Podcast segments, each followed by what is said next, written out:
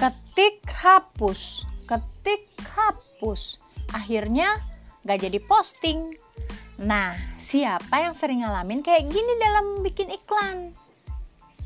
Gimana sih cara memunculkan ide iklan itu?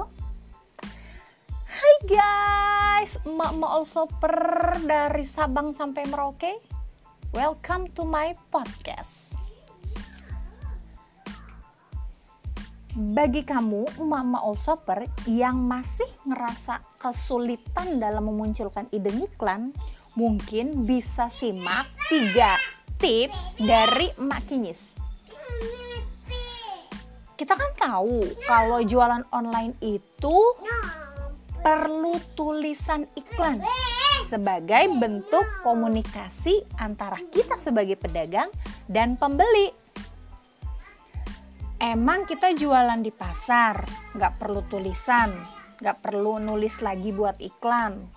Kalau di pasar mah gampang, tinggal bilang tarahu tahu, yang aus yang aus, mijon aqua mijon aqua.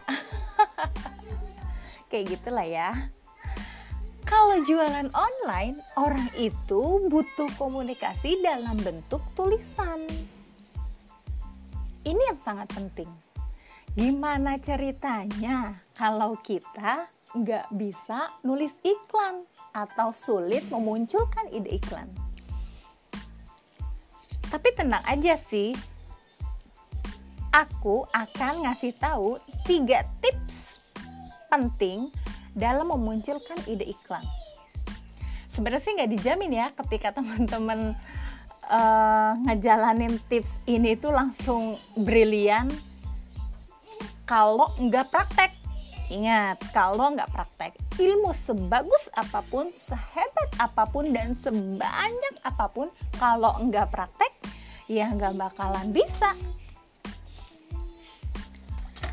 Yang pertama, eh sebelumnya biar supaya lebih banyak ingat 3M.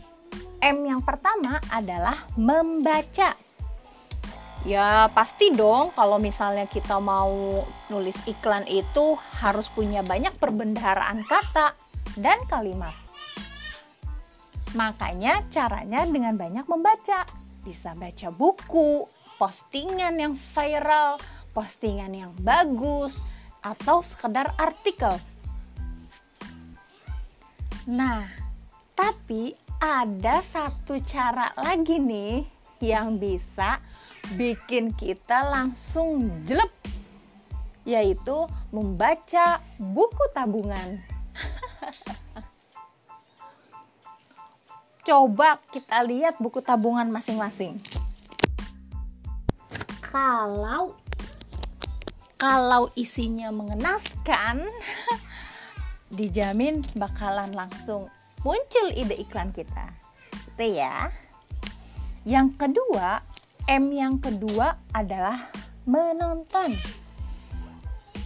Sekarang kan banyak banget media sosial yang bisa kita pakai buat jadi bahan belajar. Bisa YouTube, TV, hmm, Instagram, live Facebook, live streaming gitu ya. Atau sekedar mendengarkan podcast kayak sekarang ini. Tapi ada satu lagi nih tips menonton yang lumayan bisa ngefek berdasarkan pengalaman pribadi aku yaitu menonton orderan orang lain. Eh kok dia orderannya banyak banget ya? Ya ampun bisa laku ratusan botol lemon dalam sebulan. Itu kiloan kurma muda bisa sold out dalam sekejap. Eh jualan kebab kayak jualan kacang. Langsung laku ratusan box dalam hitungan hari. Nah kita nonton aja tuh. Ntar hati kecil kita berkata nular nular semoga aku juga bisa kayak kalian semua. Orderannya cetar Mbah Henol saking cetarnya jadi cetar Mbah Henol gitu ya nah kalau udah kayak gini dijamin kita akan baper dan langsung muncul ide iklan kita yang ketiga M-nya adalah mengalami gampang banget nyari ide iklan. Apa aja yang sudah kita alami dalam keseharian itu bisa banget jadi iklan kita.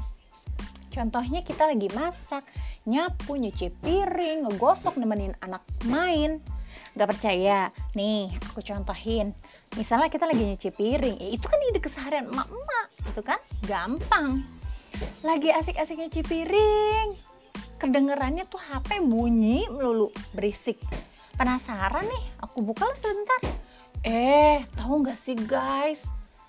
Ternyata orderan kurma itu lagi mengular. Soalnya besok mau landing. Ya jelas lah kurma muda gini hari tuh banyak di butuhkan oleh yang lagi promil.